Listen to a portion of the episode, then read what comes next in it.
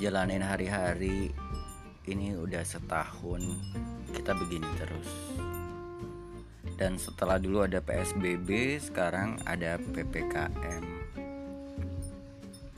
memang yang namanya karantina di rumah itu bisa jadi suatu kegiatan yang ngebosenin. Pasti lo ngerasain banget ya. Cuma kadang-kadang pilihan kita itu we give up to the situation or we can do something about it. Well jangan bilang sama gue lo nggak bisa ngapa-ngapain.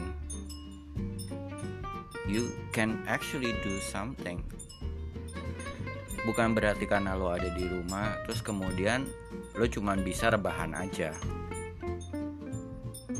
Kalau dulu kan ataupun ya mungkin banyak orang gue juga dulu pernah beranggapan bahwa if we want to do something we should go out.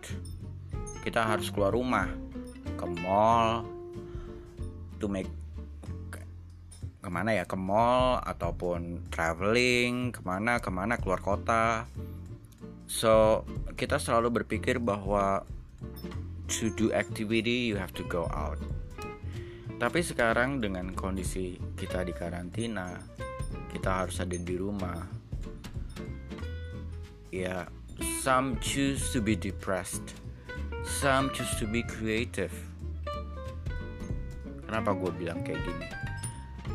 Gue melihat dulu gue selalu memandang sebelah mata sama influencer-influencer uh, digital content creator.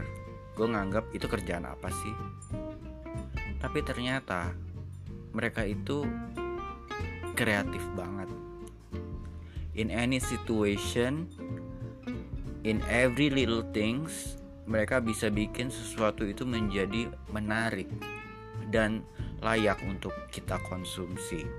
Coba lo lihat Instagram influencer-influencer.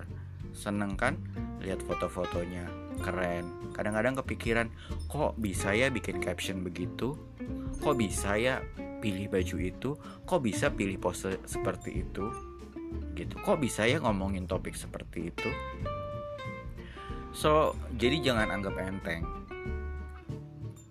Gue semakin ke sini semakin belajar bahwa uh, kita harus menghargai semua orang, karena uh, semua orang itu punya keahlian masing-masing. Dan kita jangan pernah berpikir bahwa pekerjaan orang lain itu lebih tidak berarti dari daripada pekerjaan kita. Dan terus terang, gue pernah cobain ya ya nggak literally gue jadi di digital content creator atau influencer follower gue nggak nggak banyak dan nggak ada sih karena gue juga nggak terlalu aktif uh, gue pernah dapet challenge untuk bikin konten. Baru bikin satu dua konten aja gue untuk bikin konten ketiga keempat gue udah kehabisan ide. Lo bayangin ya influencer itu berapa banyak dia bikin konten. Coba lo lihat youtuber videonya ada banyak banget Yang punya Instagram itu mereka punya fotonya banyak banget. Dan untuk bikin satu foto itu mungkin mereka harus ambil 10 sampai 20 atau 50 foto gitu. Dipilih cuma 1 sampai 5 atau 10 foto Untuk di upload So actually you have to appreciate that. Mungkin kita gampang cuma tinggal di F cuma lihat tinggal di FYP lewat seret but you know what? To make that one picture it took a lot of effort. Gitu juga dengan video-video YouTube. Kelihatannya gampang banget bikinnya. Tapi coba deh bikin. Gue yakin deh. Belum sampai bikin baru lo mikirin nih gue mau bikin apa lo juga nggak tahu idenya yang bagus apa. Udah stuck aja di situ. Ya yeah, that happens to me so later on gue mm, berusaha untuk belajar banyak dari uh, uh, terus terang ya yang doing a lot of uh, apa influencing uh, on social media ataupun digital content creator ini adalah mereka yang umur umurnya masih muda ya. Kita bilangnya millennials lah ya. Jadi gue belajar dari mereka yang lebih muda. Jadi kalau dulu kiblat kita belajar sama yang lebih tua sekarang gue udah switch. I learn uh, to uh, the youngsters. Dan ternyata this is just another new world another point of view. How you see the world is just different nowadays. Kalau dulu dunia itu ada dunia nyata aja gitu ya. Lo keluar rumah lo ngelihat semuanya ada di situ ya dengan mata kepala lo. Tapi sekarang dunia itu nggak cuman apa yang lo lihat di dunia luar ada dunia yang disebut dengan dunia maya. And this is just the whole totally whole new world. Dan di sana itu a lot of things happening. And if you're not being careful you're just being left out the trend uh, the apa uh, the information semua itu ada di sana. It's it's flowing like like water. If you don't catch the water ya udah lo ketinggalan aja udah lewat tuh airnya. Arus air udah lewat kalau lo lihat sungai gitu ya. Dan itu arusnya deras deras banget. So you actually have to learn very fast jadi I don't wanna give advice karena I'm not in that position. Gue juga nggak punya prestasi yang gimana gimana but since I challenge myself when I'm when I stuck at home dan di situ gue ngerasa depres banget. Gila gue bosen banget. Gue nggak tahu mau ngapain lagi nih gitu. Well ternyata banyak banget yang bisa dilakuin di rumah tau nggak? Gue bisa making a list dan ternyata listnya panjang banget. Boleh ya gue sebutin ya? Beberapa aja sih. Repot kalau gue sebutin satu buku. Gue bisa bersih bersih rumah. Gue bersih kamar gue bersihin kamar mandi yang ternyata kotor banget. Gue bisa bersihin lemari gue yang ternyata berantakan banget. Gue bisa bersihin uh, halaman gue balkon gue tepatnya. Gue nggak punya halaman dan gue bisa nanam tanaman. Kebetulan hobi baru gue nanam ya. Nanam ya macam-macam lah. Ada tanam kangkung juga buat gue makan. But that's just interesting you know. You you actually uh, plant something and it's useful for you. Dan rasanya makan uh, kangkung panen pertama gue itu kayak that's just amazing. Gila ya. Gue nggak pernah loh uh, makan sesuatu yang gue produce sendiri gitu.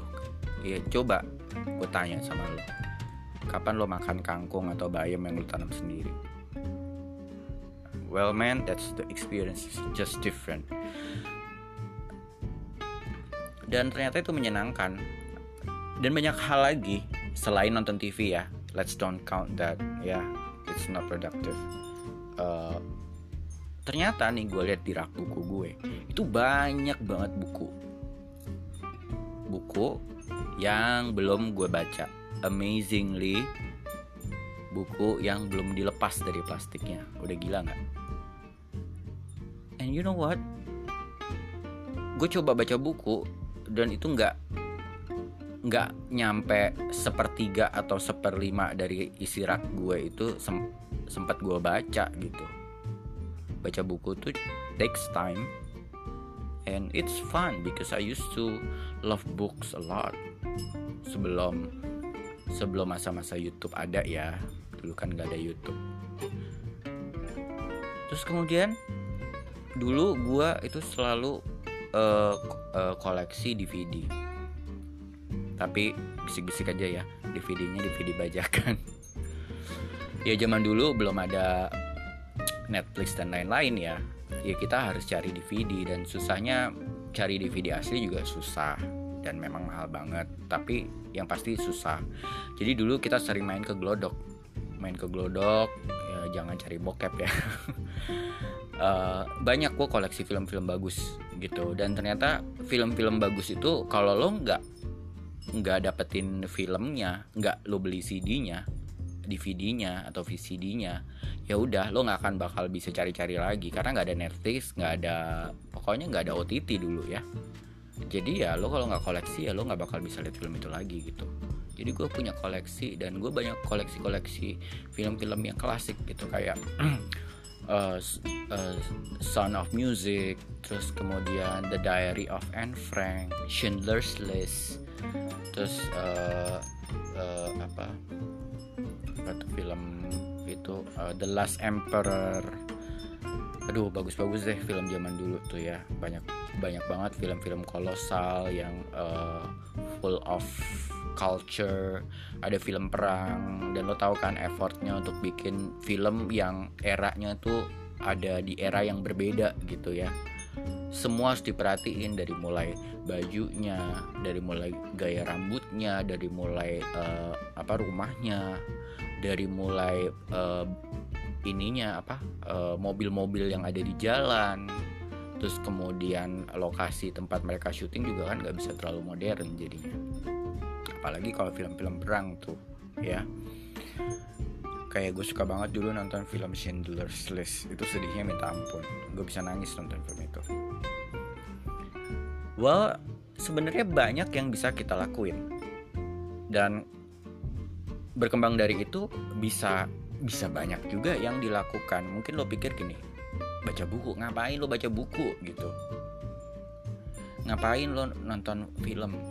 Well zaman sekarang if you share that saya lo habis nonton film terus kemudian lo making ini bikin resensi terus lo taruh di sosial media lo gitu ya.